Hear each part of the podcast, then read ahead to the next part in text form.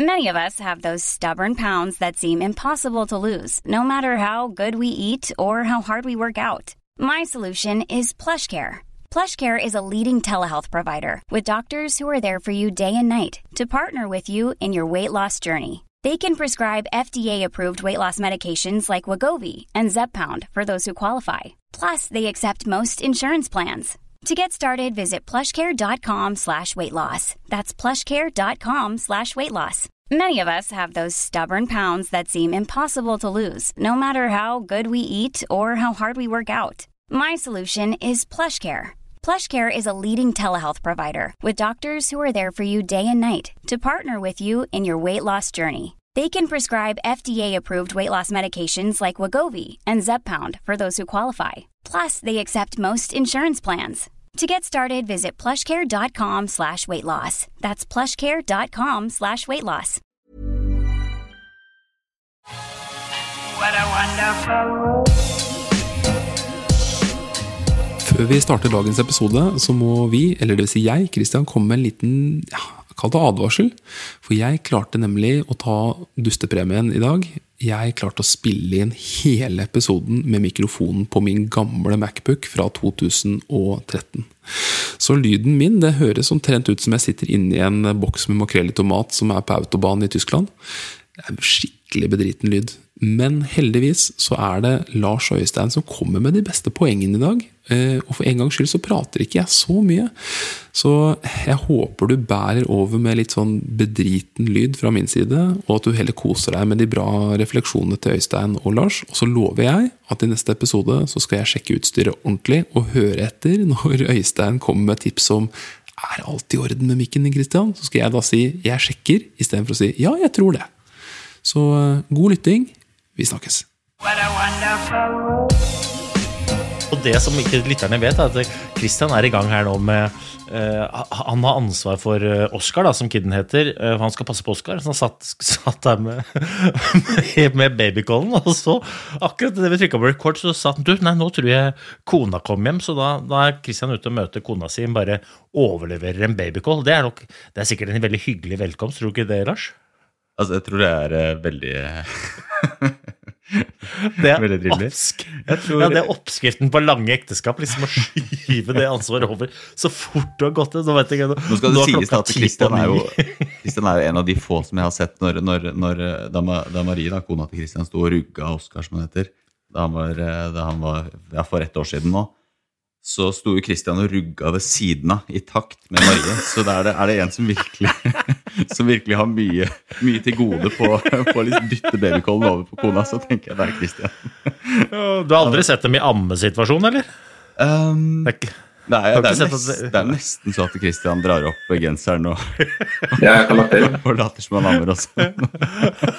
Velkommen eh, inn i podkasten, Christian. Der er du som er, det er du som er programleder. Vi bare tok en liten intro av deg, så Ja. nå tror jeg at eh, lytterne har på en måte plassert deg i bås. Så det, Ja, det det, du, du skinner Det som vanlig. det blir spennende å se hva Hans Olav klipper til. Alltid, spennende. Det, jeg tror det er fint, jeg. Jeg, jeg er i hvert fall veldig fornøyd. Er du fornøyd, Lars? Jeg er veldig fornøyd. Det kom noen detaljer Ja, ja. som eh, som du ikke får høre før det eventuelt ligger ute. Christian. Har du, har du fortalt om tredje prisstorten din?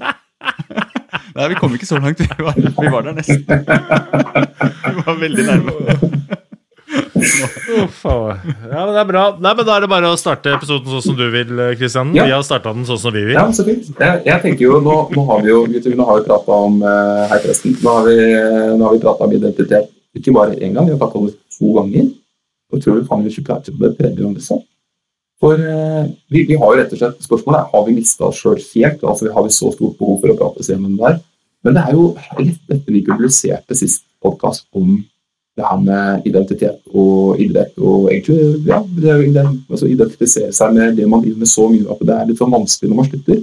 Så kommer det en artikkel på NRK litt etter at episoden går live, som handler om akkurat det med fotballspillere som får fotballer i tilningen og som moier seg rett og slett med én gang, og som får en sånn kjempeidentitetskrise. Og så tenker vi jo, Vi har jo én redaksjon her som har levd av toppidrett i veldig mange år. Vi snakker ikke om Hans Ola, ikke til å forkleinelse av han som han strek han, men Øystein Pettersen han har levd av å gå på ski lenge. Og så har vi liksom ikke stilt det spørsmålet til Øystein hvordan var det her med å legge opp og sånn, så vi må jo grave litt dypere inn der, da, får vi ikke det? for vi rett og slett intervjue Øystein litt og spørre hvordan det her var for han? Jo, jeg syns det er veldig spennende. Det var veldig gøy da, da, da, da Øystein hørte vår forrige podkast, så ble han så engasjert. Så da, da var det plutselig veldig Vi, vi prøvde å få med Øystein forrige gang òg. Han hadde så dårlig tid, men når vi hørte den, så fikk vi, da var det ikke så dårlig tid allikevel. Nei, er, det der er Det der prikker du borti noe jævlig spennende, faktisk. Ja, det er bra. Nei, men jeg hørte jo, jeg hørte jo Kan du si det? da? Jeg hørte jo den forrige episoden, og jeg leste også den saken du refererte til. Kristian, eh, jeg, hør, jeg hørte den mens eh, min minstemann var på skitrening, eh, sånn freeski-trening, hvor jeg ikke var Mine vage kunnskaper om freeski var ikke så veldig sårt trengte, så jeg da jogga meg en tur. Jeg hadde en slags liten identitetskrise sjæl faktisk. Jeg løp på glatta bortover mot høyskolen på Lillehammer, snudde og løp tilbake. Men jeg, mens jeg hørte på sånn identitetskriseprat, altså jeg ble jo helt uh, filosofisk uh, på mine egne vegne der. da. Men eh, jeg, jeg syns det er spennende. Jeg, jeg syns det er et jævla spennende tema. Jeg, jeg tror helt ærlig at flere kan ja, om, om det kalles å filosofere litt over eller reflektere litt rundt det. For det, er et, det er et viktig tema for alle, uavhengig av om du driver med idrett eller ikke. Jeg, jeg tror det, da. Jeg tror det engasjerer mange. Altså Senest i går så var jo Christian og jeg på, en, eh, på, på et lite julebord. Eh, og så kommer det en bort til meg, det var jo samme samtale, Christian, og spør eh, Du, Lars, hvordan var det for deg å, da du la opp med triatlon og plutselig over til familieliv og, og full jobb og eh, Det var jo et helt annet liv. Og så mens han snakka, så tenkte jeg gjør du narr av meg nå? Fordi har du nettopp hørt på våre, to podkaster om, om identitet og syns at nå begynner det å bli litt mye prat om det her? Nå begynner det å Så, holde. nå, så, da, så jeg tenkte først sånn, nå, nå gjør du narr av at jeg har snakka i hjel dette temaet. Men han, var jo, han hadde jo ikke hørt det, så han var jo oppriktig nysgjerrig. Ja. Det, det, det viser jo at det er, det er noe mange er opptatt av. Da kom vi jo senest i går inn på det, akkurat det samme temaet på et julebord. Eh, Så det er noe jeg tror eh, veldig mange går og tenker på. Ja, så er det nok litt sånn der, Mange tenker over det, særlig kanskje dem som har hatt veldig lyst til å bli utøvere. Sånn som han, han hadde spilt fotball, han skulle bli proff eh, fotballspiller. og så er det jo sånn at eh, mange blir jo proff fotballspillere, og da hadde vi han hadde lagt så mye av seg flat. Han ikke tid noen alternativer, så han tok et liv og ikke forsvaret. Det, det, var, det var skikkelig vanskelig for ham. Han var en voksen, visste ikke hvem han var. ikke sant? Så det er, eh, og så er det sånn til alle som ikke har reflektert rundt det også, så er det en sånn sunn ting jeg. og Bare ta en fot i bakken og Nå blir det veldig mye referanse til den AMDS-boka, men det der stiller seg spørsmålet hvem er jeg egentlig, og hva vil jeg? Det, det er veldig sunt. Men tilbake til eh, Øystein. Eh, du, du har jo på en måte, litt sånn jeg har sett på, så har du to, to sånn etapper i karrieren din. Du har sikkert veldig mange flere, men sånn grovt sett, du gikk jo på spillplasslaget i veldig mange år. Eh, og det er jo der de fleste liksom ble kjent med deg. Eh, og så mista du landslagsplassing, og så gikk du en del år på litt forskjellige langløpslag. Eh, og gikk jo da disse eh, Steel Classics-løpene. Og så landgått til slutt. Mm. du, er det greit at jeg bare tar og hopper inn i den der liksom avslutninga av ja, Hvor mange år hadde du på landslaget? Oi, jeg kom på lag i Ved Eller seniorlag kom jeg på lag i 2006, tror jeg. Og så ble jeg sparka etter OL i Sotsji, 2014. Så sju-åtte år, da. Mm. Sju-åtte år det er jo lenger enn det mange har som en sånn runde hos en arbeidsgiver. opptatt på å. Det er jo mange som jobber eh, kortere enn det før Ja. bytter jobb. Hvordan eh, Jeg er, jo, jeg er jo ærlig på at jeg liksom Jeg kjente aldri på et sånn identitetskrise når jeg mista den plassen. da eh, Eller sånn Hva er identitetskrise? Eh, hva er det du Jeg tror det eh, på en måte Identitet, da tror jeg Hva er det du knytter identiteten din opp til? Eh, og ehm, jeg tror hvis jeg skal si at jeg opplevde noen identitetskrise som utøver, så må jeg være ærlig og si at jeg opplevde kanskje mellom 2010 og 2011 eh, hvor jeg gikk fra å være Øystein. Altså, helt ærlig, jeg eh, em, n- Når jeg vant det der olympiske gullet mitt sammen med Petter, eh, som jeg veldig fort ikke kunne ha gjort fordi at Ola blei sjuk, ikke sant, men da da opplevde jeg en litt sånn identitetskrise, for da gikk jeg fra å være Øystein til å plutselig bli omtalt som olympisk mester, og det var jeg egentlig ikke verken forberedt på, la det reflektere så mye rundt. Jeg var en gutt som fløy rundt i skauen i tights og hadde lyst til å få til noe jævlig bra. Ambisjonsnivået var på å vinne et olympisk gull. Eh, Og så plutselig så ble jeg det, og så ble jeg på en måte ble omtalt som det. Og så på en måte lærte jeg meg litt det spillet å kjenne, og så gikk jeg utrolig dårlig år etter i VM i Oslo. Og da hadde jeg nok en sånn liten identitetskrise hvor jeg helt ærlig tror lærte noe som er utrolig sunt. At jeg ikke er det jeg eh, presterer i resultater, av skaper av resultater, men at jeg er den jeg er i atferd. Fordi at da opplevde jeg jeg opplevde, eh, opplevde samfunnets forskjellsbehandling. Da. Øystein som olympisk mester, og Øystein når han ble nummer 42 eller 41 eller hva jeg nå ble i VM i Oslo. Altså, Gutten var den samme, opplevde jeg, men behandlinga jeg fikk fra omgivelsene, var helt ulikt. Og derfor så tror jeg er ganske godt rusta til å snakke om at eh, identitetskrise, i hvert fall for meg, da, ikke handler om eller på en måte, jeg, jeg har aldri hatt det fordi jeg aldri I hvert fall ikke sånn hva jeg driver med. Jeg har aldri knytta det opp til hva jeg driver med i utgangspunktet. Er- Eh, Jeg har knyttet det bare til hvem jeg er, da. Jeg syns det er så interessant det du sier der med For identitet handler jo også, tenk, eh, handler jo også veldig mye om hva, hvordan er det vi blir sett. Og så Da du, samfunnet så på deg som en olympisk mester, omtalte deg som en olympisk mester, og klarte du det, jeg bare tenker, det, det må vel ha gått ganske innpå deg også at du også etter hvert selv begynte å tenke på deg som nå er jeg en olympisk mester? Uh, eller hvordan Ja, var det? liksom, det er et utrolig fascinerende spørsmål, men liksom um, jeg, jeg, jeg sier det litt, da, litt mer sladda inn til det olympiske gullet. For det første så føler jeg helt ærlig at jeg ikke gjorde så god innsats i den stafetten. Og så kan dere godt si ja, man må være to om å vinne stafettgull og bladdi, bladdi, men helt ærlig, hadde det vært to Øystein Pettersen, så hadde vi kanskje, kanskje tatt et bronse. Så mange årsaker til at jeg ikke presterer så godt som jeg kanskje kunne ha gjort med en optimal oppladning, men, men det er liksom det ene. Jeg, jeg følte jeg fikk det OL-gullet litt billig. Og det andre var at jeg plutselig ble da omtalt som om jeg var olympisk mester hele tiden, og det var det mest naturlige i verden. Og jeg brukte litt tid på liksom å, å, å, å på en måte mm, omfavne den rollen. Eh, men så var det veldig vondt, da. Eller sånn veldig, sånn veldig gap. Og det var nok det nærmeste jeg har vært en sånn liten sånn identitetskrise eller sånn sorg. eh, Når jeg da gikk så ordentlig på snørra, ikke, ikke, ikke av noe uflaks heller, da. Liksom jeg tror det var bare konsekvensen av litt for dårlig jobbing det året jeg var olympisk mester. Når jeg gikk på snørra i Oslo-VM, for da ble jeg stilt spørsmål om den 42.-plassen som olympisk mester, istedenfor å bli stilt spørsmål som Øystein. Ikke sant? Referanse Ja. måte, Utgangspunktet for spørsmålene var helt ulikt, fordi de så på meg som en olympisk mester. Og det gjorde meg veldig var på ok, men hvem er det Øystein er? Er Øystein en olympisk mester, eller nå tidligere olympisk mester? Og jeg pleier å arrestere folk når jeg blir eh, introdusert på scenen, så blir jeg alltid introdusert med eh, hvilke resultater jeg har skapt. Og i Norge så er det sånn, jeg vet ikke om det altså Jeg er jo veldig ærlig på at på den, den jobben vi gjør, ja ok, vi er mange timer på jobb, men vi er ikke jobben. Men så har vi skapt et samfunn hvor måte, det nesten forventes at på spørsmålet om hvem er du, svarer hva du heter, og hva du tjener penger på. Mm. Det er, det, det, er- og det, er jo, det er jo egentlig ikke det jeg lurer på. Men det som skjer når vi svarer hva du tjener penger på, da, Lars psykolog, ok, så da putter jeg deg i bås. Jeg putter et sånt litt sånn hierarki. Og hvis jeg da sier hei, Øystein, olympisk mester, eller tidligere olympisk mester, så, så vet jeg hvilke bås jeg blir putta i. Og jeg liker ikke det. Mm. Bare fordi at jeg er kjent på forskjellsbehandlinga det gir.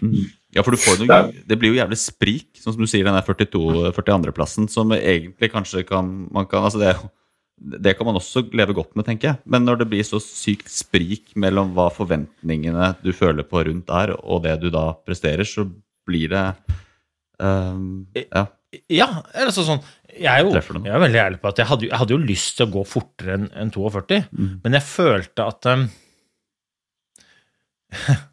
Det her høres litt så teit ut, men det, noen ganger så hadde jeg et bilde av at jeg, når, jeg, når jeg fikk skryt som utøver, så fikk jeg for mye skryt. Jeg tenkte sånn mm, Nei, men jeg, så mye skryt fortjener jeg ikke.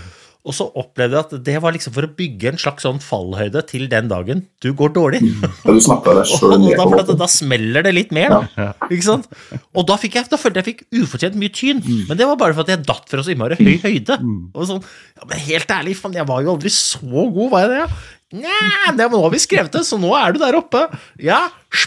Og så bare lå jeg helt nedi, nedi 42.-plassen der og bare marinerte meg i de der eh, andre sakene som hadde vært veldig gode, da. Men hvordan var, altså, hvordan var VM i 2011 for deg etter at det, liksom, etter at det gikk sånn passe? Det var den reaksjon reaksjonen din litt etter det? Hvor skuffa ble du? Nei, vet du, jeg var um, Hvor skuffa var jeg? Jeg var jo jeg var skuffa, men skal jeg være helt ærlig, så, så, så det var rett jeg har, sagt, jeg, har skrevet, eh, jeg har skrevet et par bøker om dette, og jeg snakker mye om det også, noen ganger i innlegg, når jeg får lov, da, men det er sånn Egentlig så visste jeg det på forhånd.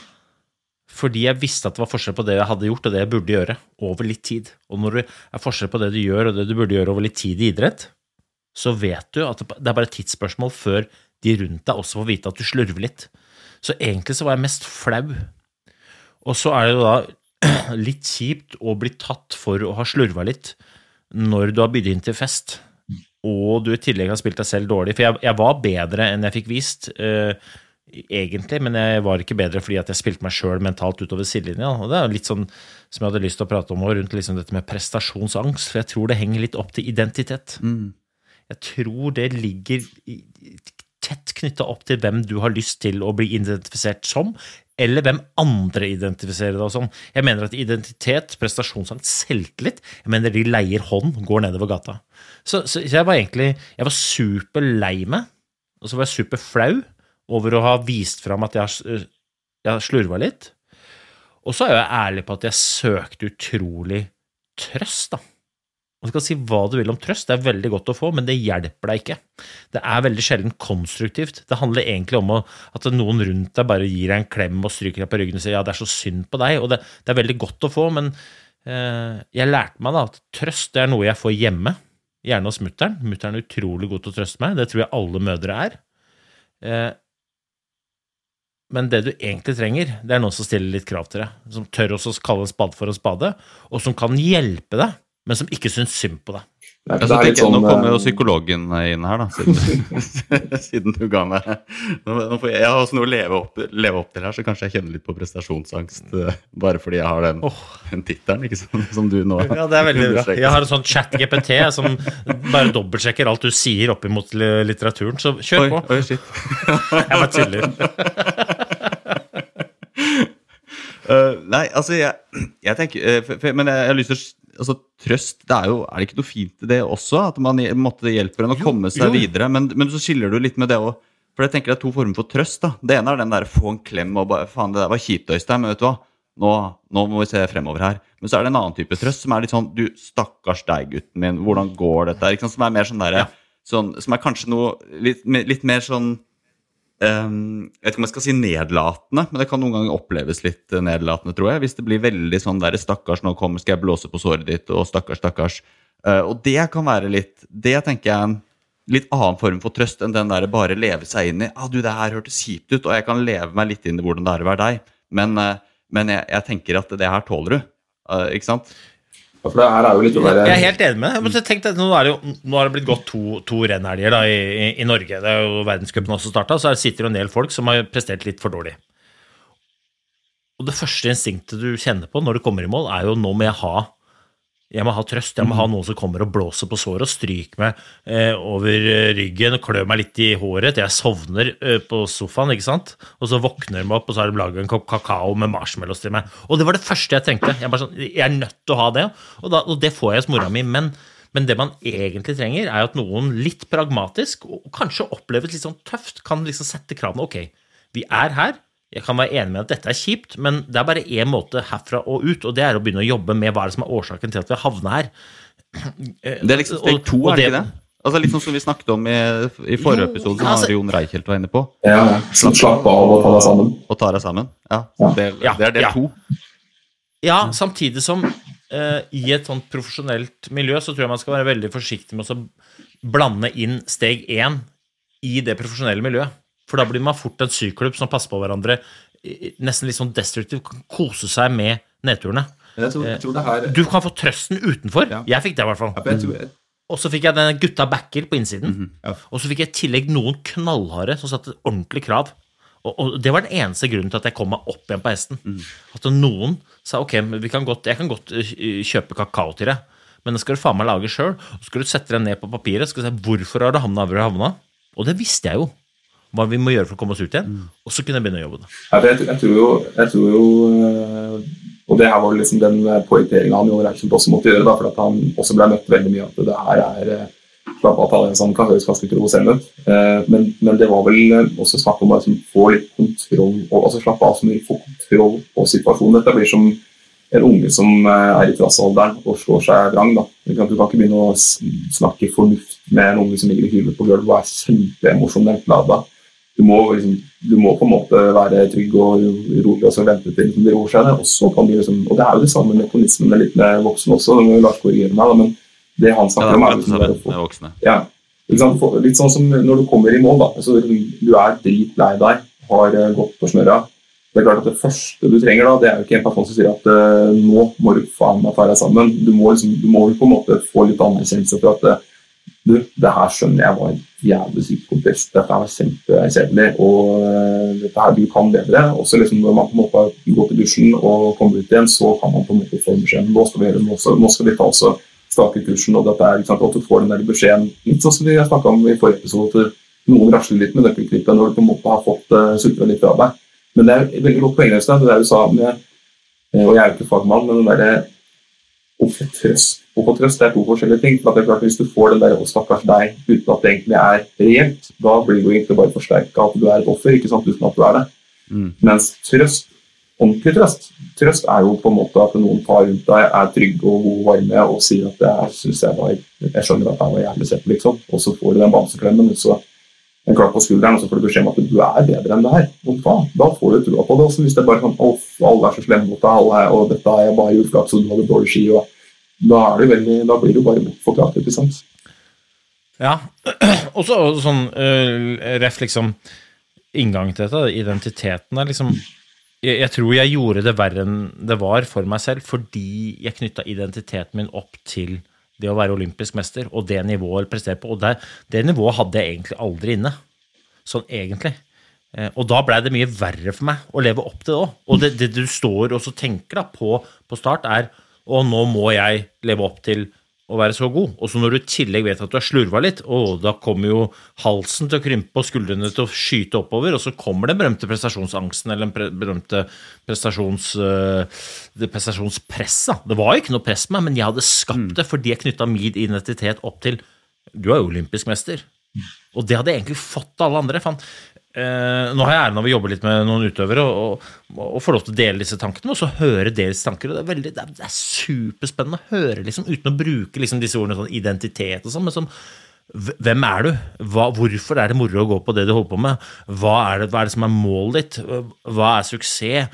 Hvordan, hvordan ser du på selvtillit? Prestasjonsangst? Ok, hva er det du hva er det som gjør at du, du kludrer til for det? Jeg syns det er superspennende. Men det som, jeg, jeg, når jeg løp og hørte på dere sist, da, så snakka du, Lars, om liksom om er, eh, den, Eller du dro nå også opp på Christian, dette med, med depresjon etter at man er ferdig med noe. Og det kan jeg knytte meg veldig opp til liksom den der, det å nå et mål eller å avslutte noe, det kan jo være virkelig sånn sårt. Sånn, for at det er litt sånn, det er en avslutning på noe. Men eh, og igjen tilbake til identitet. Jeg, jeg, jeg identifiserer meg ikke så mye med resultatene, men jeg, jeg elsker liksom den veien. Og når jeg ga meg som skiløper, da, jeg holdt på med, med langrenn og profesjonell idrett hele livet, jeg ga meg jo den dagen jeg slutta å bry meg om resultatet. Så det er veldig rart, for dette, egentlig så knytter jeg meg ikke opp til resultatet. Men den dagen jeg kjente at det ikke betydde noen ting, om jeg ble nummer 1, 2 eller 15, men da var jeg ferdig. Og, det kjente jeg med en gang. Jeg, vi lå nede, jeg hadde gultrøya i, i Ski Classics, jeg var ganske god. Vi lå i høyden, og så plutselig så kjente jeg jeg bryr meg ingenting om at jeg har den gultrøya. Det, sånn, det betyr ingenting. Og så fikk jeg ikke sove. Og så hva er det som er greia? Og så fant jeg det. Men det koster så mye arbeid, og så betyr det ingenting for meg. Ja, men da må du slutte. Og da plutselig så kommuniserte jeg det til omverdenen. Jeg gir meg etter sesongen. Sov som en stein. Presterte ganske godt. Og hadde ikke noe identitetskrise når jeg gikk i mål etter Levi. Så lot jeg skiene og stavene bli igjen i målområdet.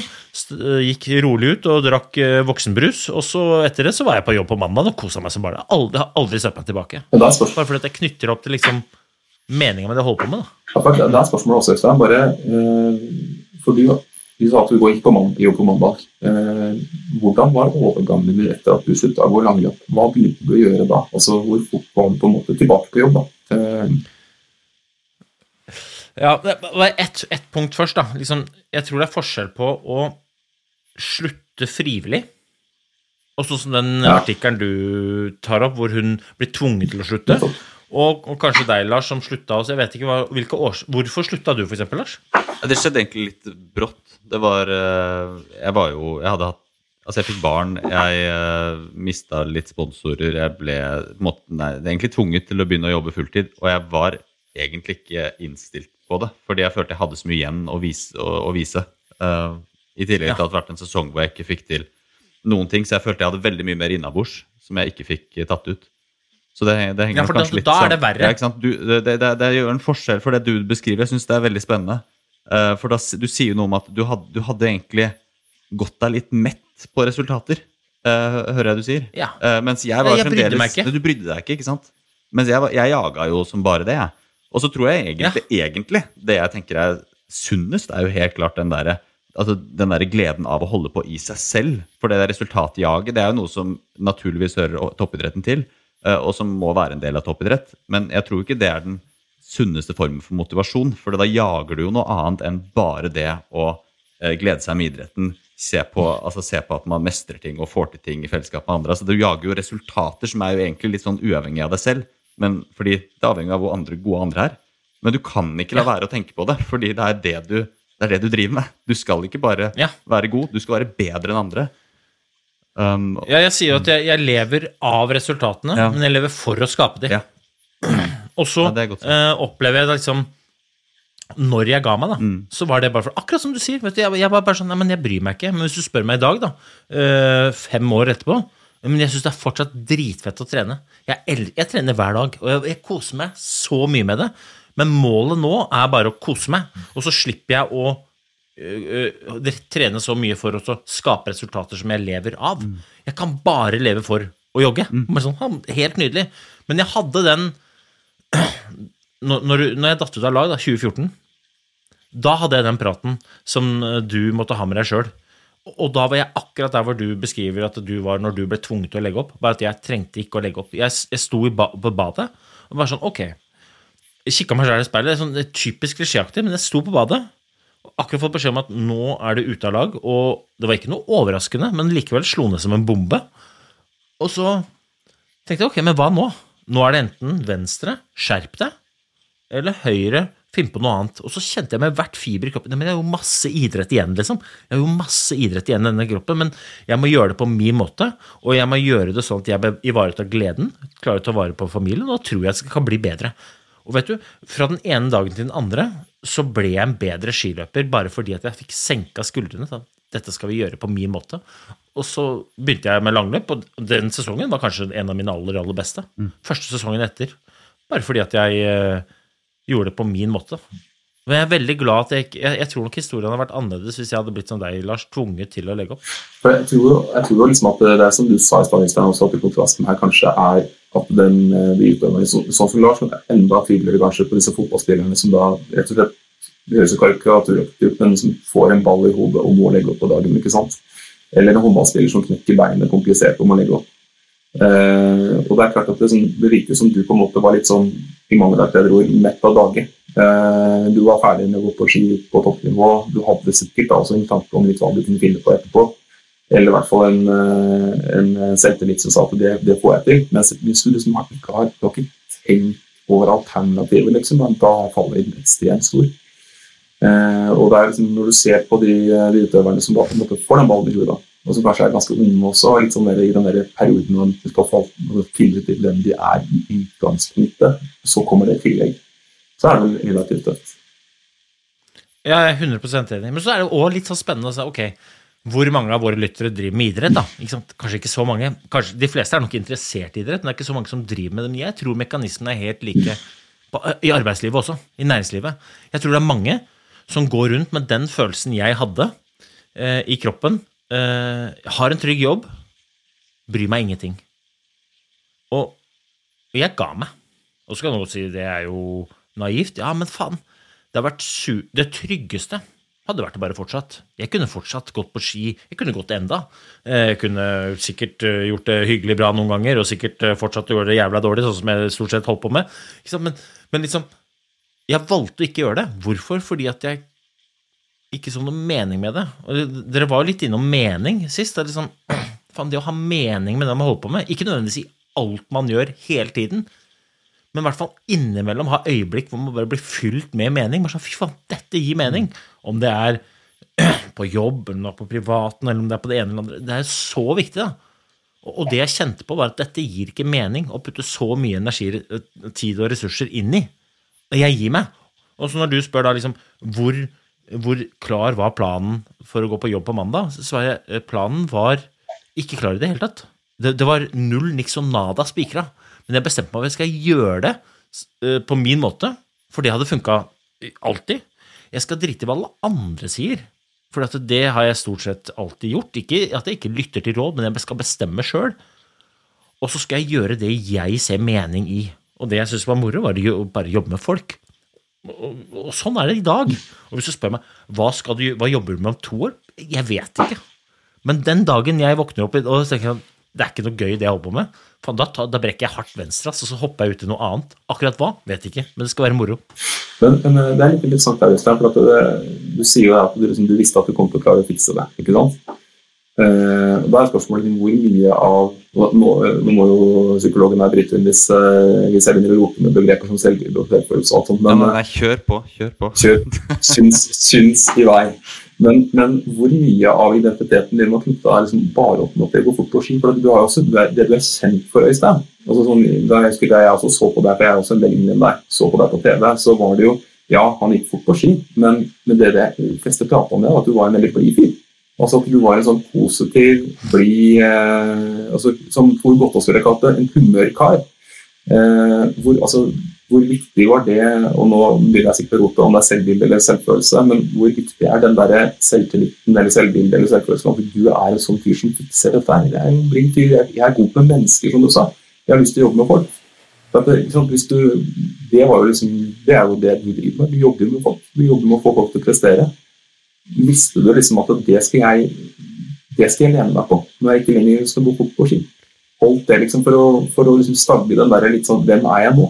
For det her kan jeg bruke på noe annet. Det er et vanskelig spørsmål, det vet jeg ikke. Men det er ikke noe tvil om at det, dessverre da, så har man et fordel hvis man har vært på TV.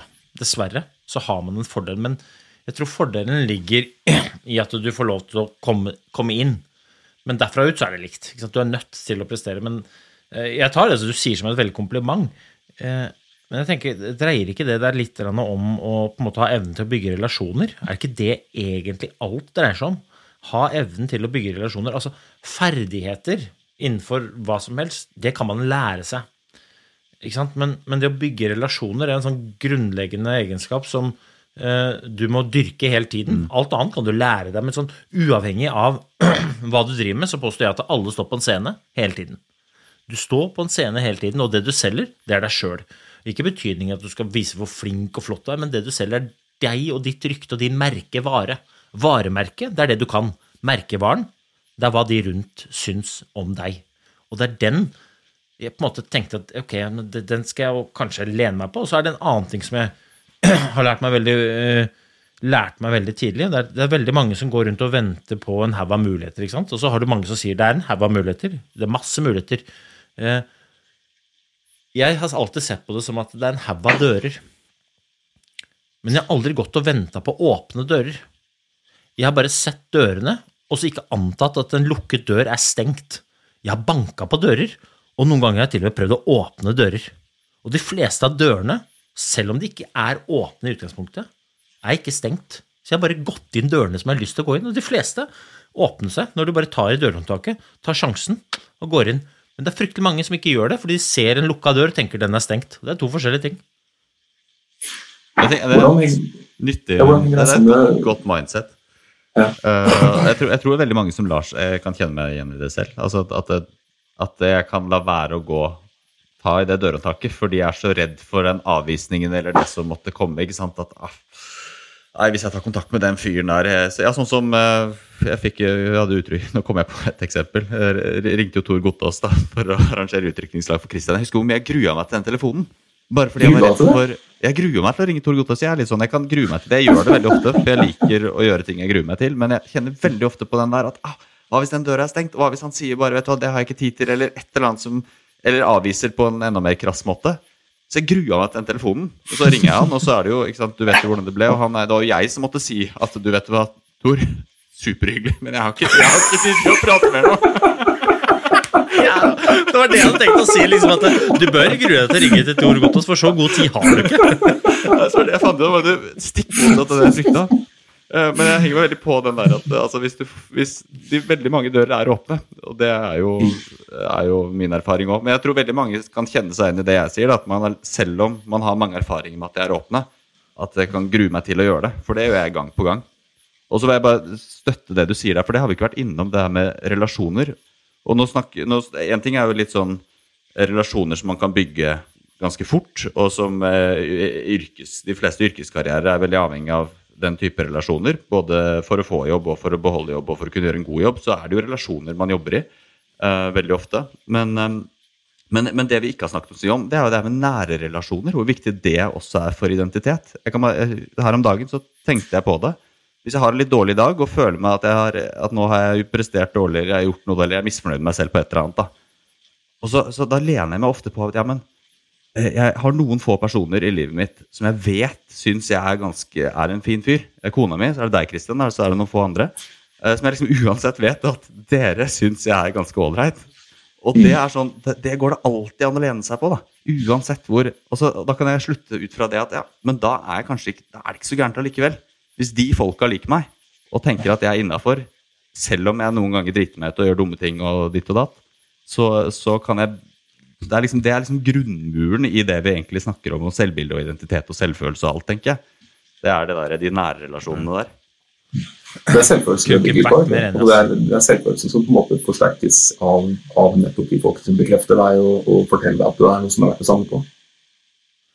Så kan man jo gå en, men Jeg mener man kan gå enda nærere. Da, for liksom den nærmeste relasjonen og den, den viktigste relasjonen å dyrke, det er jo sin egen relasjon til seg selv.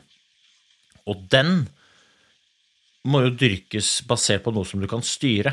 Og hvis man da knytter den relasjonen opp, eller den identiteten, da, opp til resultater, som du sa mellom linjene i stad, Lars, er ting du ikke det, er ikke det er veldig usikkert, fordi du får ikke styrt alt rundt det. Ja, men da er det veldig lett å få en litt dårlig relasjon til seg selv. Og jeg mener det der er selvtillit, da. Ikke sant? Og hva er selvtillit? Mange forskjellige fjaste eh, definisjoner på det. Ikke sant? Tillit til deg selv i betydningen 'hold det du lover'. Jeg liker den. Eh, men jeg liker òg bildet av selvtillit som at du kan komme inn i et rom, komme inn på en stadion, komme inn på en arena, komme inn på en arbeidsplass, uten å ha behov for å sammenligne det med alle andre, men ha et ønske om å gjøre ditt beste. Og hvis jeg hadde lært det tidligere, så skal jeg love deg at jeg hadde fått gjort mitt beste bedre, og jeg hadde hatt mer eh, sjanse til å sammenligne meg med andre på bedre grunnlag. Men jeg hadde motsatt fokus. Jeg gikk inn på en arena og begynte å sammenligne meg med alle andre. Og så ga det meg lav øh, eller høye skuldre og kort hals. Og så hadde jeg ikke noe mulighet til å prestere så godt jeg kunne. Og så fikk jeg ofte bekrefta det jeg frykta når jeg gikk inn der og sammenlignet meg med de andre. De andre er bedre enn meg. Så enten så bygger du den spiralen oppover eller nedover. da. Og det er relasjoner som jeg måtte, nå når jeg jobber med folk, prøver å dyrke. da. Fan, vi må komme i en sånn posisjon at du kan komme inn på en hvilken som helst arena, uansett hva det er vi snakker om. Og du har ikke noe mål eller ønske om å så sammenligne med alle andre, men du har bare lyst til å gjøre ditt beste. Og da kommer du til å prestere bedre. Jeg lover det. Ryan Reynolds here from Mint Mobile. With the price of just about everything going up during inflation, we thought we'd bring our prices down. So to help us, we brought in a reverse auctioneer, which is apparently a thing. Mint Mobile unlimited premium wireless. Ready to get 30, 30, bit to get 30, bit to get 20, 20, 20, bit to get 20, 20, bit to get 15, 15, 15, 15 just 15 bucks a month. So, Give it a try at mintmobile.com slash switch. $45 upfront for three months plus taxes and fees. Promo for new customers for limited time. Unlimited more than 40 gigabytes per month. Slows. Full terms at mintmobile.com. Ready to start talking to your kids about financial literacy? Meet Greenlight. The debit card and money app that teaches kids and teens how to earn, save, spend wisely, and invest with your guardrails in place. Parents can send instant money transfers, automate allowance, and more. Plus, keep an eye on spending with real time notifications. Join more than 6 million parents and kids building healthy financial habits together on Greenlight. Get your first month free at greenlight.com slash ACAST. That's greenlight.com slash ACAST. Det var, litt det, du snakket, kan- det var litt det du snakket om i stad også, da du, da du senka skuldrene litt etter um, eh, Ja. var, var, Det var etter uh, Ja, Når vi var ferdig så, det Var det etter VM? Hvor du, hvor du da, Ja. i, i, Kol- ja. Etter, nei, Nei. ikke- Ja, eller både litt etter VM, men uh, kanskje Jeg var ærlig på at jeg brukte, jeg brukte tre år da, på å komme ut av det derre tidligere olympisk mestersporet. Og jeg, så lenge jeg var i landslaget, så ble jeg omtalt som tidligere olympisk mester. Og så fikk jeg heldigvis sparken. Og jeg sier heldigvis ikke fordi at jeg mistrivdes på laget. Vet du, Det var verdens beste gjeng, verdens beste lag. Helt supert. Problemet mitt var bare min identitet i det laget ødela for meg. Jeg, jeg, be jeg tror helt ærlig jeg var på det laget siste året kun fordi jeg er god til å få andre til å prestere. Eh, Men så når jeg da datt ut av laget, så var jeg ikke lenger tidligere olympisk mester. Da var jeg arbeidsledig. Ok, Men det er, det er ikke så skummelt. What's Mm, noe what's to lose? Ingenting. Nei, det er ingenting å tape. Og så kunne jeg begynne å dyrke med hva er det som er viktig for meg. da? Jo, jeg hadde lyst til å gå fort på ski, men, men jeg hadde jo kjent de siste årene at det å gå fort på ski ikke var det viktigste. Akkurat fordi du sier relasjoner er så jævla viktig. Hvem var det som tok imot meg når jeg velta i VM? Jo, det var jo flokken min. Faen, jeg må ha tid til flokken. Hvis jeg har tid til flokken, faen, da skal jeg ha tid til å trene. Og hvis jeg har tid til å trene, faen, da kommer jeg til å gå dritfort. Så jeg hadde bare de to tankene i hodet. Liksom. Og det var veldig enkelt. Jeg, bygde, jeg bygde bare relasjoner, både til flokken og til meg sjøl. Og så knytta jeg ikke så hadde, hadde jeg hadde ikke noe resultatmål lenger, utover at jeg hadde lyst til å gå så fort på ski at jeg kunne leve av det. Men jeg levde for å være i stand til å få det til. Og der, der tror jeg, eh, Vi snakket jo litt om at hvor, hvor eh, overførbarheten til næringslivet, og enhver jobb egentlig, eh, så, så tror jeg jo det er mye av essensen i det å, det å kunne holde ut lenge med en jobb og kose seg med det. Og, og, og også, Det går ikke på bekostning av å prestere, tenker jeg. Tvert imot. Så tenker jeg at det er jo da et sånn et biprodukt av å jobbe med noe du koser deg med, og se etter muligheten til å få det til litt bedre, fordi det er gøy i seg selv. Å finne løsninger og se hvordan kan jeg løse dette her på en litt bedre måte. jeg... Eh, Og da blir man jo engasjert. og Jeg i hvert fall kan kjenne meg, meg selv når jeg går inn i den bobla.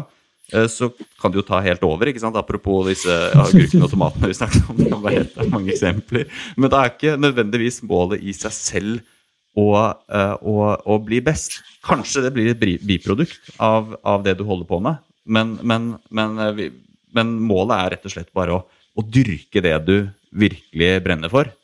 Og så tror jeg kanskje akkurat innenfor toppidretten og de mest ekstreme yrker, så kan det kanskje være vanskelig, fordi da kommer du også til et punkt hvor du må ofre så mye at det går på bekostning av veldig mye annet, og du må kanskje ha mer enn uh, ja, et driv som går utover bare det der at nå koser jeg meg og vi virkelig bare jobber med å forbedre. Jeg tror at når du går- beveger deg opp på det liksom elitenivå i hva det nå er, så må du kanskje gjøre noe i tillegg til den indre motivasjonen.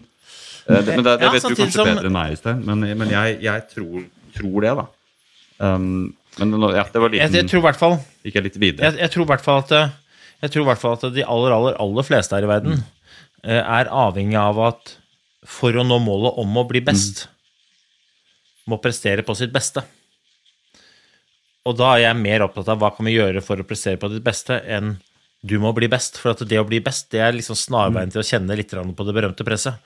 Men vi må gjøre det som er det beste, eller for, for at du skal få ut ditt beste. Det er ikke så skummelt, for da har du ikke så mye å tape, egentlig. Det er bare, bare positive effekter. Og, og den veien kan jo være ulik. Og så er jeg jo enig i at det, det stereotypiske rundt toppidrett er jo at du må ofte kjøre over de rundt deg litt. Eh, Men eh, min gode venn Pål Golberg, da, som presterer veldig hyggelig vi om bodde i dagen samme blokk før, faktisk. Ja, det, Se så han kjenner jeg. Han, ja, og han, han I går var jeg ute og gikk på skip og, og hørte på skirenn fra Gjellivare.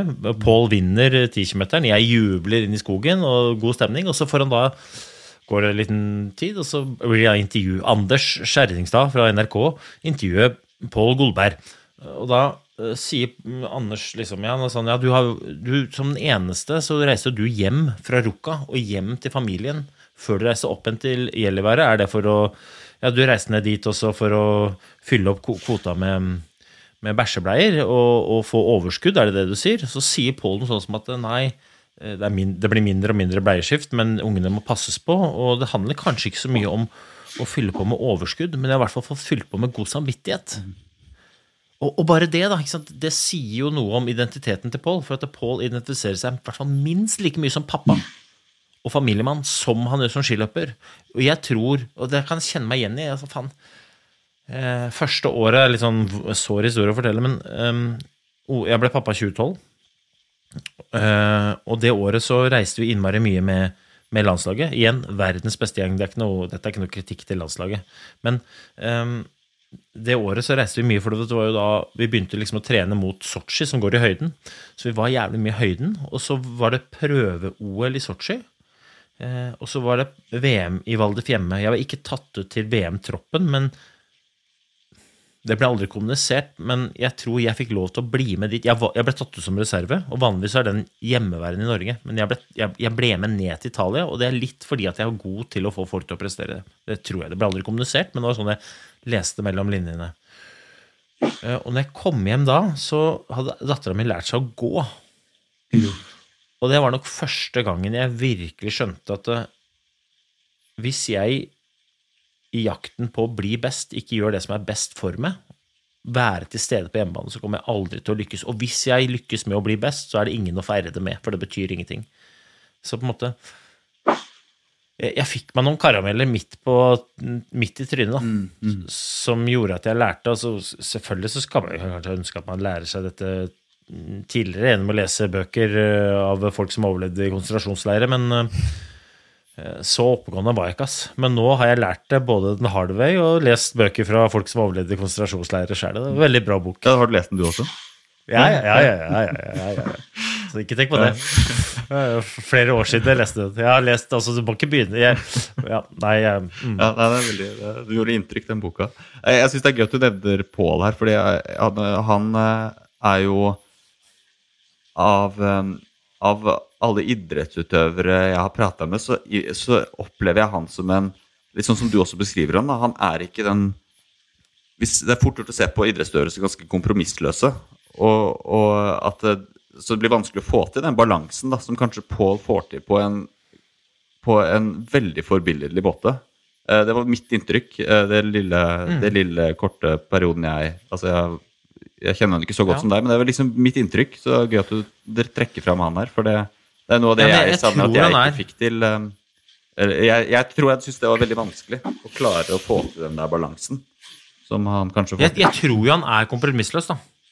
Jeg, jeg tror han er kanskje den mest kompromissløse. Men jeg tror han beskytter det som er viktigst for seg. Og det er familien, tid med familien, og tid til å trene og tid til å hvile. Jeg tror ikke han gjør noe annet enn bare det. Er Og så er det ingen som ser på han Nei, som da er det kompromiss, Jo, men jeg, Da er det tenker, Da er det kompromiss. Altså jo, familien familien får plass, da. Og det kan jo Nei, men jeg tror Når han er med familien, så er han med familien. liksom. Når han er hjemme, så er han ikke med kompiser. og sånn. Det tror jeg, Nå er jeg her. Og så når han stikker ut og trener, så er han dønn til Ja, stede er der. god på å være til tror bare sånn, ja, så, på det er, og Hvis du tenker forskjellen på eh, Ta Pål da, og veldig mange andre, så, så tror jeg Pål er innmari god til å eh, gjøre innmari mye av bitte litt. Han gjør dritmye av pappa, Mhm. dritmye av trening. That's it. Mens veldig mange andre gjør litt motsatt. Litt av innmari mye. Og det er egentlig oppskriften på å bare vase rundt. Og så tror jeg at uansett om du har familie eller ikke, så er du nødt til å ikke bare drive med trening, du er nødt til å koble av. Pål gjør det en verdibasert, nydelig måte, selvfølgelig, men, men jeg skal ikke moralisere over hva andre velger å gjøre tid på. Men jeg tror de aller beste har liksom én eller to eller tre arenaer de er på. Bare det. Ikke noe annet. Ja, men sånn innenfor idretten, Øystein, du som har vært liksom på, på innsida ganske lenge, hvor mye prates det her om? På, altså er det noe som man snakker om? Det her med liksom, eh, hva hvis du må legge opp fort? Hva hvis altså, Sånn som de fotballspillerne, f.eks. Er det her noe som må inn opp en Idrettsforbundet har noe på en måte sånn Kall det denne samtalen skal du prate med noen før det kommer inn på et landslag, f.eks. Altså, Eller er, altså, eller er det her ikke noe tema? Vi toucha så som vi fikk ikke prate om det, men her liksom hvorvidt en toppidrettsutøver bør oppfordres til å ta utdannelse, f.eks. Eh, hvorvidt en toppidrettsutøver skal ha en prat eh, om hva er det du egentlig har tenkt å gjøre etterpå når du gir deg. Altså Innenfor næringslivet er det helt normalt med pensjonistsamtaler, seniorsamtaler. ikke sant? Man begynner ganske tidlig eh, og spørre hva har du tenkt å gjøre når du pensjonerer deg for å unngå at det blir en vond overgang. ikke sant?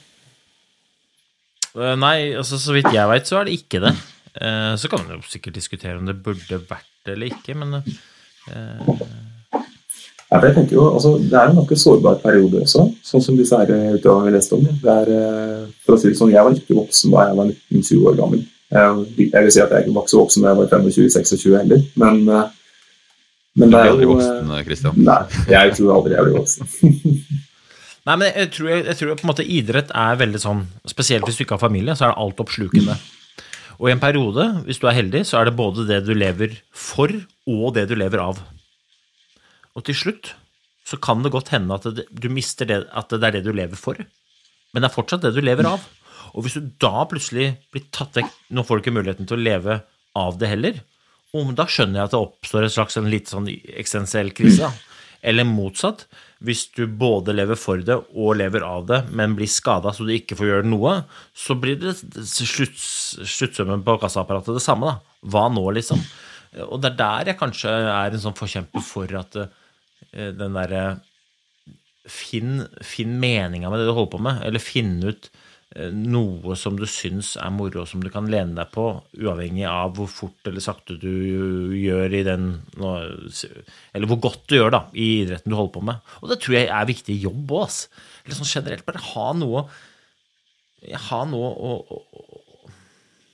ja, Mening, det er jo litt sånn flåsete, men liksom ha noe som gir liksom mening i livet. Men jeg er jo ærlig på at det, jeg går ikke rundt og leter etter mening eller føler mening hele tiden.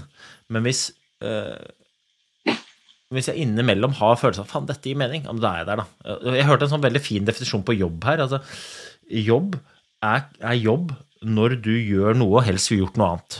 Det er jobb. Det er definisjonen på jobb. Og hvis du har den følelsen litt for ofte, så brenner jeg for å brekke venstre. Men samtidig så er det også det er, det er mulig å finne Snakker om mening, da, så er det jo mening er jo liksom vanskelig kanskje å, å liksom finne innimellom på en arbeidsplass. Men det er kanskje vanskelig å definere også. Men jeg husker Lars sa noe til meg for noen som var veldig bra. og det var jo det hvis, eh, For jeg har en jobb som er altså privat næringsliv. Det er eh, salg, og det er, det er en fantastisk fint sted å jobbe. Også, men det er klart at jeg redder jo ingen mennesker. Eh, det er ikke sånn at det blir mindre klimautslipp eh, hver dag for at jeg går på jobb. liksom. Det er, ikke, altså, det er en helt normal jobb som så veldig mange jobber på. ikke sant? Men jeg husker Lars sa det her med at ja, men hvis du er eh, en god kollega for kollegene dine, så er jo det meningsfullt nok i seg selv. ikke sant?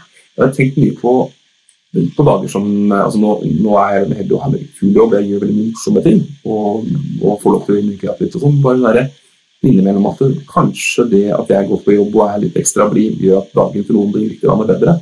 Det føles veldig meningsfullt. Og, og vi trenger jo ikke å være så veldig mye mer enn det. for at det, det er klart at det er sånn, vi, vi er jo avhengig av at en del jobber gjøres så at samfunnet fungerer. ikke sant? Om alle dager er ikke like tydelig, men det er det der, å få de glimtene som du sier, av meningen, da, det er kjempe, kjempeviktig. Og så kan du ta det ett steg ned, da, liksom, og ikke knytte en mening opp til hva du gjør, men knytte mening opp til hvordan du gjør det du gjør. da. For sånn, det er jo veldig mange jobber som er eh, repetitive, eh, og noen ganger også kjedelige, og vil føles meningsløse. Eh, I den store sammenhengen så er alle jobber like viktige. ikke sant? Og hvis ikke, så mener jeg at vi må kutte den jobben med en eneste gang. Og så lenge det er en betalt jobb, så er det jo noen som er avhengig av at du gjør den jobben. Så alle jobber er jo like viktige.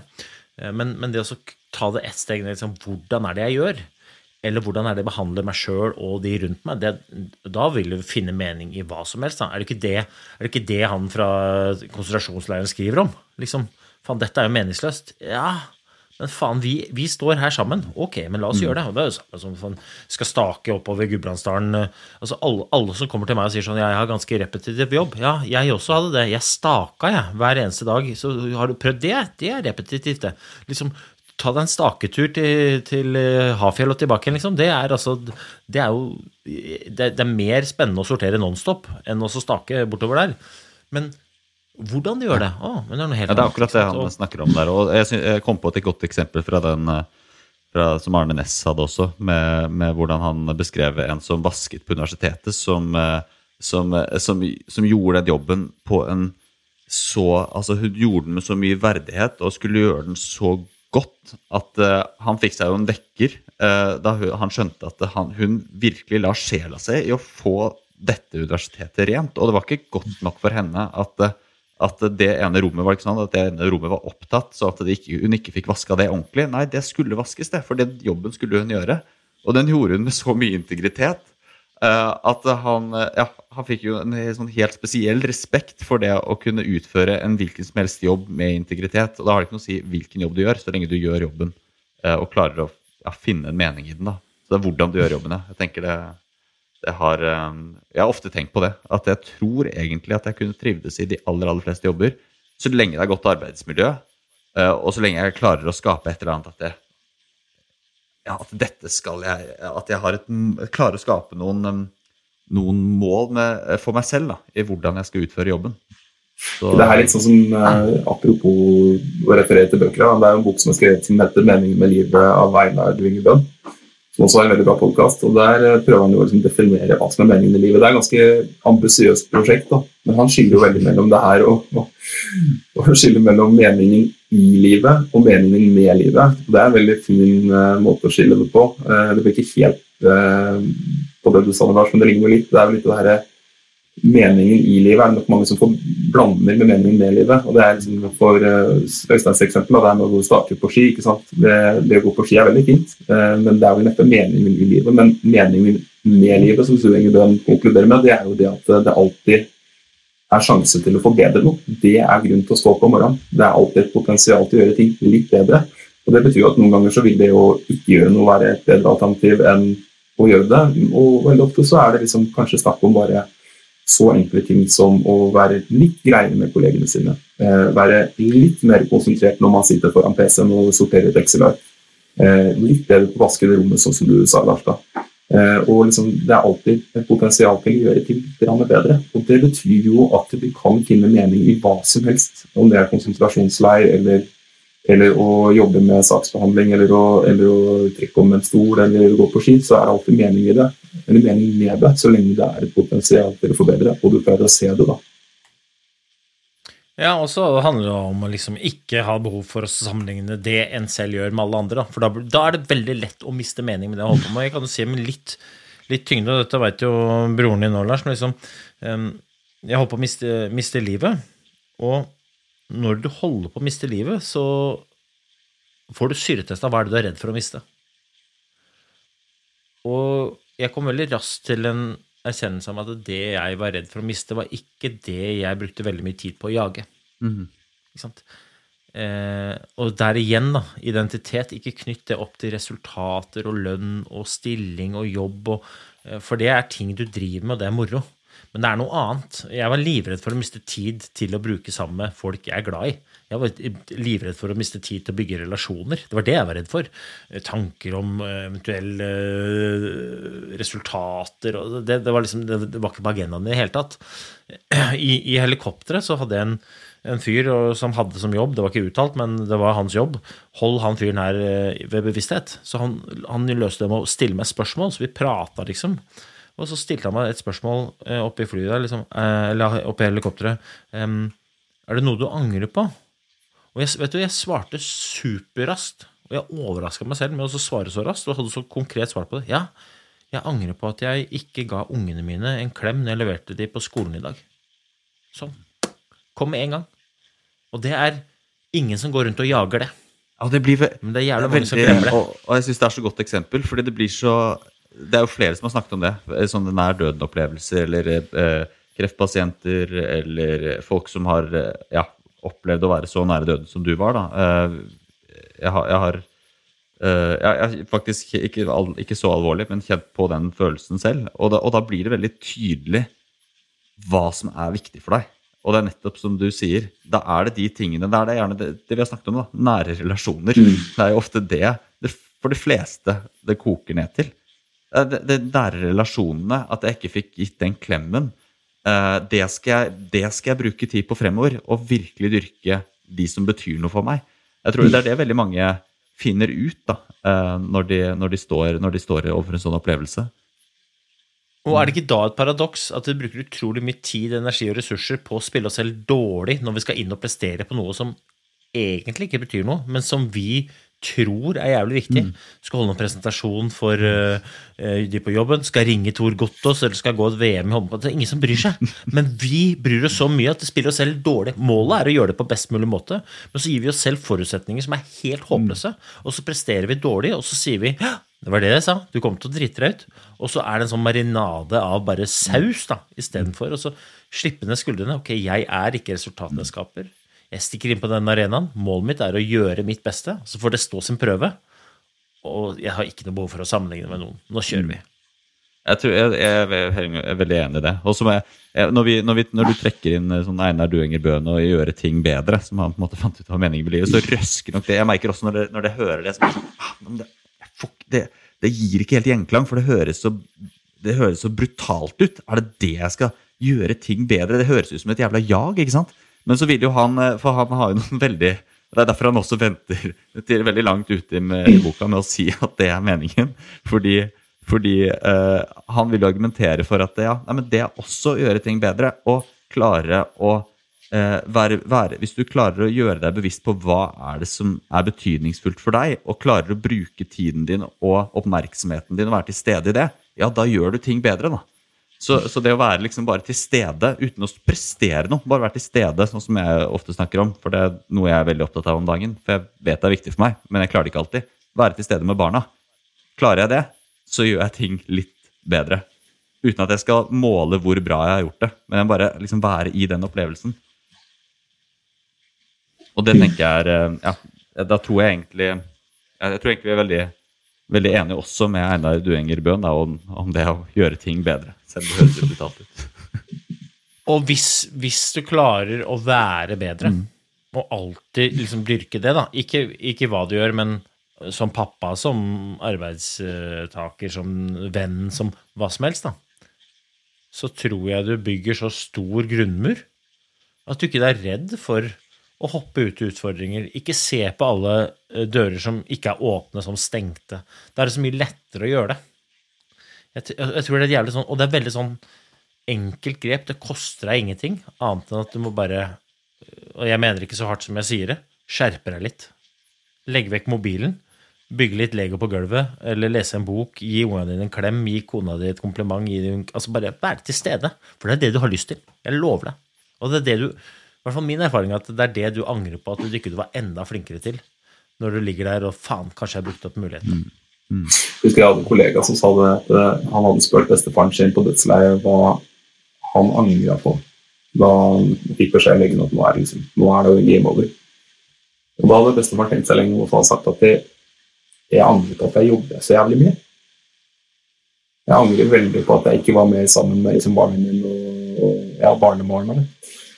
Og det er liksom jeg tror det er veldig få som ligger på dødsleiet og tenker at jeg skulle ønske jeg jobba litt grann mer og var litt mindre sammen med de menneskene jeg er glad i.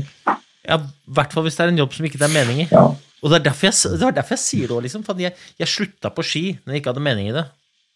Jeg skal ikke moralisere over alle som står i det, men jeg stiller meg selv spørsmålet kan du ikke finne noe som er altså, faen, Det finnes en haug av dører der ute, selv om de ikke er åpne, bank på, da. Men er ikke det litt sånn Kjenn i er liksom. det litt sånn Kan hende at det kommer inn. Jeg er ikke det så liksom frykt for altså, Som du sier, jeg står i det, ikke sant.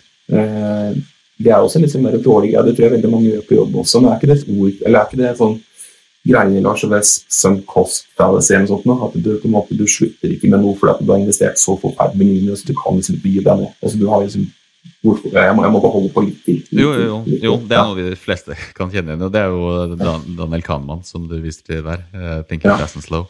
Sunk cost fallacy. Eh, det er eh, eh, Jo, det er noe vi kan kan alle kjenne oss igjen i det. Alt fra å vente på bussen, og så har man venta ti minutter, så tenker man kommer det om to minutter, og så burde man egentlig bare begynt å gå eller tatt T-banen isteden. Eller den hverdagslige varianten av det. Eller en aksje man har vært med på litt for lenge, og så har den sunket også. og så tenker man jeg burde ikke komme meg ut, men nei, nå har jeg bestemt meg her at det er ikke noe Det er ikke relevant. Eller det veldig mange eh, kan kjenne igjen, er jo ja, både jobb og forhold. Ikke sant? Det, det har jo hatt, eh, hatt kompiser som har vært i forhold der og har tenkt er det, er, er, det, er, det her, er det her verdt det? Men når du har vært så lenge i et forhold at uh, du har investert så mye, så stiller du deg ikke det spørsmålet lenger. Fordi du vil så gjerne få det til å funke, for du har allerede investert så mye. Um, og det tror, nok, det, det tror jeg nok gjelder absolutt for mange i idrett også. Du har investert veldig mye. Du vil egentlig kanskje ut, og det er kanskje, begynner kanskje til med å se at det, det OL-gullet jeg drømte om, det er ikke realistisk lenger. Men nå har jeg investert så mye, jeg kan ikke hoppe ut nå. Um, det, var det, det, var det, du tenkte på, ikke sant, Ja, Christian? At, ja, det tror jeg nok. Jeg vil høre hva Øystein tenker om det. det du, om det er Ja, nei, Kanskje ikke for din del, men om du har om du kan, Nei, så, samtidig så igjen da, så, så, så sladda jeg jo inn til det OL-gullet. Jeg, jeg sier det at det er veldig mange flere som er i stand til å vinne et olympisk gull, enn som faktisk vinner det. Og det kan godt hende at du vinner, selv om du ikke vinner det, egentlig. Og det å vinne det, det er egentlig bare en sånn Det er jo et håndfast bevis på hva som er mulig å få til. Men dæven, ass. Jeg hadde lagkamerater som, og, og også konkurrenter, som ikke fikk det beviset, men som var på akkurat samme plass. Og det det dreier seg ikke om den medaljen, det dreier seg om den historien du skaper. og sånn. I forholdet, ok, kanskje ikke det blir eh, den olympiske gullmedaljen du drømmer om. Eller kanskje det er det likevel, men du bare ser det ikke. Ta et skritt tilbake da, ikke sant? Jeg er ikke noen forkjemper for å tenke positivt. Jeg er ikke noen forkjemper for å tenke negativt, men jeg er veldig forkjemper for å ta et skritt tilbake og tenke riktig. Og veldig ofte når jeg gjør det, så blir jeg positiv av Ja, for å se, det- tenk, Så ta liksom- et skritt tilbake, da mener du altså at du måtte se det litt sånn utenfra? Hvis jeg observerte det Ja, her, hva ville jeg det, da ja, sagt? Hvis jeg ikke var inni Yes, det? 100% Ja, det Ja. jeg mener. Og, og det der er jo som alt annet lettere sagt enn gjort, da, men, men sånn, vi blir flippa ut av at vi står, midt, vi står med beina midt oppi s- smørja, ikke sant? og så virrer vi rundt, og så skjer det så mye, og så ser vi på Instagram at alle andre tilsynelatende har det så jævlig bra, eller det ene eller det andre, så å, jeg får ikke til, og så Nei, dette er eh, Ta et skritt tilbake. Se på dette fra litt perspektiv, da, for at um, jeg, jeg, hadde- jeg jobba med en, og da sa han til meg at du må se på deg, Øystein, sånn som jeg ser på deg. Og jeg ser på deg fra avstand, og du får til. Selv når du går dine kjipeste renn, så får du til. For det er mange som ikke er på renn engang. Og litt sånn, Se på deg sjøl sånn som andre ser på deg. Det er et eh, fint sånn bilde på det. tenker, nå, for å fort, nå tror jeg vi toucher innom noe jeg er veldig opptatt av. Da. Eh, nå, så jeg, nå avbrøt jeg deg, Christian. Uh, men, men det her med uh, Igjen, da. Det, det er jo igjen Daniel Kahneman som snakker om det her med hva, er, hva vil det si å nå altså suksess. Hva er det? Jo, det er en, det er en kombinasjon av eh, gener, hardt arbeid, og den siste, som veldig, mange, eh, som veldig mange glemmer, fordi vi har så lyst til å ha kontroll over alt mulig, men så har vi ikke det. Fordi universet er ukontrollerbart. Jorda er ukontrollerbart. Menneskeheten og alt som skjer, er styrt av tilfeldigheter. Så i beste fall så kan man kanskje dele de på tre. da. Gener, hardt arbeid og tilfeldigheter. Uh, og noen ganger, hvis man har en overbevisning som jeg tror for mange er veldig viktig, å tenke at det, tilfeldigheter det skjer ikke. fordi med en gang man må forholde seg til tilfeldigheter, så blir alt veldig uforutsigbart. Og det liker jo ikke vi mennesker. Vi hater uforutsigbarhet. Vi vil ha kontrollen selv. Hvis jeg bare gjør alt som er riktig, hvis jeg jobber hardt nok, da kommer jeg til å bli best. Uh, og så stemmer jo ikke det. Uh, som du sier? Det er veldig mange som ikke blir olympisk mestere, men som, uh, som kanskje var gode nok til å kunne bli det. Men så er det disse jævla tilfeldighetene, da. Men hvis man ikke forholder seg til dem For én er jo ja, man opplever kanskje en del kontroll og tro på at man, dette får jeg til til slutt. Det er jo fint, men dag, når man ikke da får det til, så, så har man jo da et verdensbilde som ikke tar med seg tilfeldigheter. Og det er jo beinhardt eh, mot seg selv. Fordi, fordi da, de, da, da, det, da har man bare seg selv, selv å skylde på. Jeg tenker, ja, altså Man skal jo ikke si at nei, men jeg har ingenting med saken å gjøre. jeg kunne, eh, Det var ikke min skyld i det hele tatt. Det er ikke det jeg sier. Men, men det å si at det er bare meg som var feil her, siden jeg ikke ble olympisk mester, eller hva jeg nå ikke oppnå, oppnådde, det er jo i hvert fall helt feil. Så jeg tenker det å ta med alle de tre komponentene, det tror jeg er veldig viktig. Og det handler kanskje litt om som du sier, å ta et steg tilbake og se hva er det som faktisk skjedde her, hvis jeg ser det utenfra. Hva var alle, alt det som medvirka til at det gikk som det gikk? Ja, og ha mål som ikke setter andre i spill, da. Ikke sant? Det der er så sjukt viktig. Det, sett deg mål som ikke setter andre i spill. Og så kan du godt ha ambisjoner som setter andre i spill. Altså det å bli olympisk mester er en ambisjon, men det legger bare føringer for hva du må gjøre, og på hvilket nivå du må legge opp det du skal gjøre. Men hvis du har som mål å bli olympisk mester, å fy faen, da skal du i tillegg til å ha liksom fått gjort de rette tingene over ganske lang tid, på det nivået som det kreves, ha en haug av tilfeldigheter til. Og da tror jeg du ikke blir lykkelig, men du blir sjukt letta av å bli det. Letta, ja. Og det er to forskjellige ting. Ho! Shit, pommes frites. Det gikk fint. Det var nesten så Lag deg mål som ikke gjør at du blir letta av å nå de. Ja, jeg, jeg tror helt ærlig Jeg tror helt ærlig at det er mange som har mål som de blir letta av å nå. Ikke lykkelige. Ja, du, Hvor mange ganger har jeg ikke hørt det? Folk som kommer i mål og har vunnet et eller annet helt sinnssykt, og så sier de 'nå er jeg letta'. Ja, for en lettelse at det endelig gikk. Og så puster det sånn letta ut. Ja. Ja. Og så tror jeg det er litt lykke i lettelse, da. da. men det er jævla mye stress i det også. Men det er jo liksom letta for at det ikke gikk til helvete, ikke sant. Og det er jo Ja. Ja, ja. ja, ja. Og for du hadde kommunisert ut at du skal gjøre et eller annet som setter andre i spill.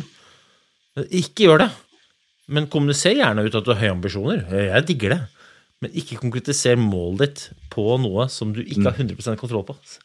Ah. Men det er igjen selvtillit. Det der er selvtillit. Gå inn på en arena uten å ha behov for å sammenligne med alle andre, men med ønske om å gjøre ditt beste. Ja, bra gutter. Det har vært en eh, som vanlig veldig spennende prat der. Vi har, vi har toucha veldig mye der. Vi har, eh, vi har gått innom uh, litt identitet, vi har snart fått dykka litt inn i historien din Estan, også. Så, selv om du har fortalt den mange ganger, så har vi jo vi har fått sett på noe som vi sikkert kommer til å spille videre på, for nå har vi beveget oss litt inn mellom det her mellom forskjellen mellom mål og prosess. Ja, og jeg har så lyst til å ta en prat med dere, gutter, om uh, dette med uh, mål. Uh, hva er et godt mål? Usikkerhet rundt mål, sånne ting. Og også belastning i hverdagen opp mot mål. Og på en måte hvordan presset øker for en idrettsutøver, akkumulert med hvor mye nærmere mål det kommer, versus hvordan det er jeg opplever det her i næringslivet. Jeg skal ikke si det nå, men jeg tar gjerne den praten med dere. For jeg tror det er noe som veldig mange har godt av å tenke på. Altså så er det jo Ja, definitivt. Og jeg tenker bare sånn, apropos det, så bare det der totalbelastninga uten at nødvendigvis man har så veldig definert fremover i hverdagen også, for veldig mange er jo ikke toppidrettsutøvere. De aller fleste er ikke det. De aller fleste er ikke næringslivsledere. Veldig mange av oss går på jobb hver dag, han har ikke interesse i å bare lage seg en, en fin hverdag. Ha det bra, ikke sant? Så ja, totalbelastning med og uten definerbare mål, det er spennende å gå videre til. Det er klart. Det er, Ja, klart. Det er bra, det. Ja, men takk, gutter. Det er søndag. Er dere klare for en uke? Så jeg, så jeg har vært på Totenbadet. Eh, det er, dette er en trist historie. Min datter begynte på håndball. Men det er så hun driver med så mye, og jeg ser, men jeg har ikke mulighet til å følge opp. Hvor, altså, da var jeg helt ærlig. Hvordan kan jeg kjøpe deg ut av håndball dette halvåret, sånn at du kan få bli kvitt noen aktiviteter før det begynner på håndball til høsten? Og da sånn, ok, men da må vi dra på Totenbadet, og så må vi dra på CC på Gjøvik på på på en søndag, og så må vi spise på Burger King. Så jeg har vært på Totenbadet, vært på shopping, juleshopping på en søndag og spist middag på Burger King. Om jeg er klar for uka, få det på! Jeg, hva som helst. Jeg tåler hva som helst. Er det verst at han måtte krysse Mjøsa i sted? Er det verste at verst du, at han Atle? måtte krysse Mjøsa? Du har vært på feil side av Mjøsa. Nei, nei, nei. Det verste er at jeg har vært på Totenbadet, CC Gjøvik og spist middag på Burger King. Og jeg, jeg gidder ikke engang å nevne at uten var det 15 minusgrader, strålende sult, ikke noe vind. Jeg bare sånn jeg bare, Nei, jeg har vært på Totenbadet, CC Gjøvik. Det er så flott. Når du starter på bunn, så kan det, da kan det bare gå oppover. Er det du sier. Ja, ja, ja, det er helt Jeg har hatt en veldig Altså, bra helg, hvis- så jeg vet ikke, jeg, jeg kan, for min del kan det nesten bare gå nedover. Det er derfor jeg nølte litt.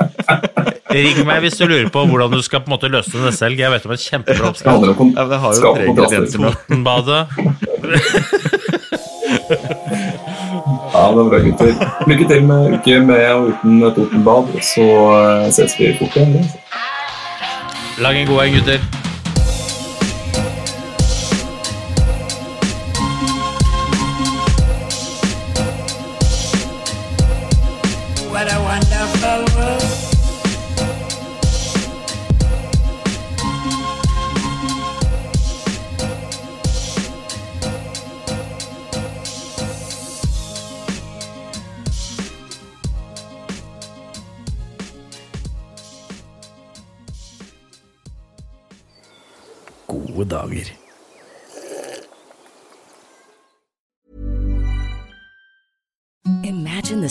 Softest sheets you've ever felt. Now imagine them getting even softer over time. That's what you'll feel with Bowl and Branch's organic cotton sheets. In a recent customer survey, 96% replied that Bowl and Branch sheets get softer with every wash. Start getting your best night's sleep in these sheets that get softer and softer for years to come. Try their sheets with a 30-night guarantee. Plus, get 15% off your first order at bowlandbranch.com. Code BUTTERY.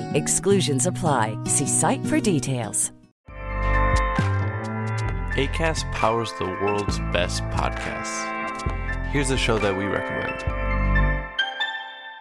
The Real Housewives is a guilty pleasure for most, but if you're looking to not feel guilty about that pleasure, tune in to Everything Iconic with me, Danny Pellegrino, where I break down all the messy moments and behind the scenes antics of Bravo's popular franchise. And on Everything Iconic, I also interview celebrity guests like Kelly Ripa, Kiki Palmer, Drew Barrymore, Cameron Diaz, and more about their guilty pleasures, their past work, and so much more.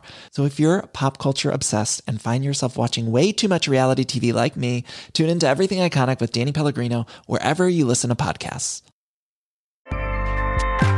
ACAST helps creators launch, grow, and monetize their podcasts everywhere. ACAST.com.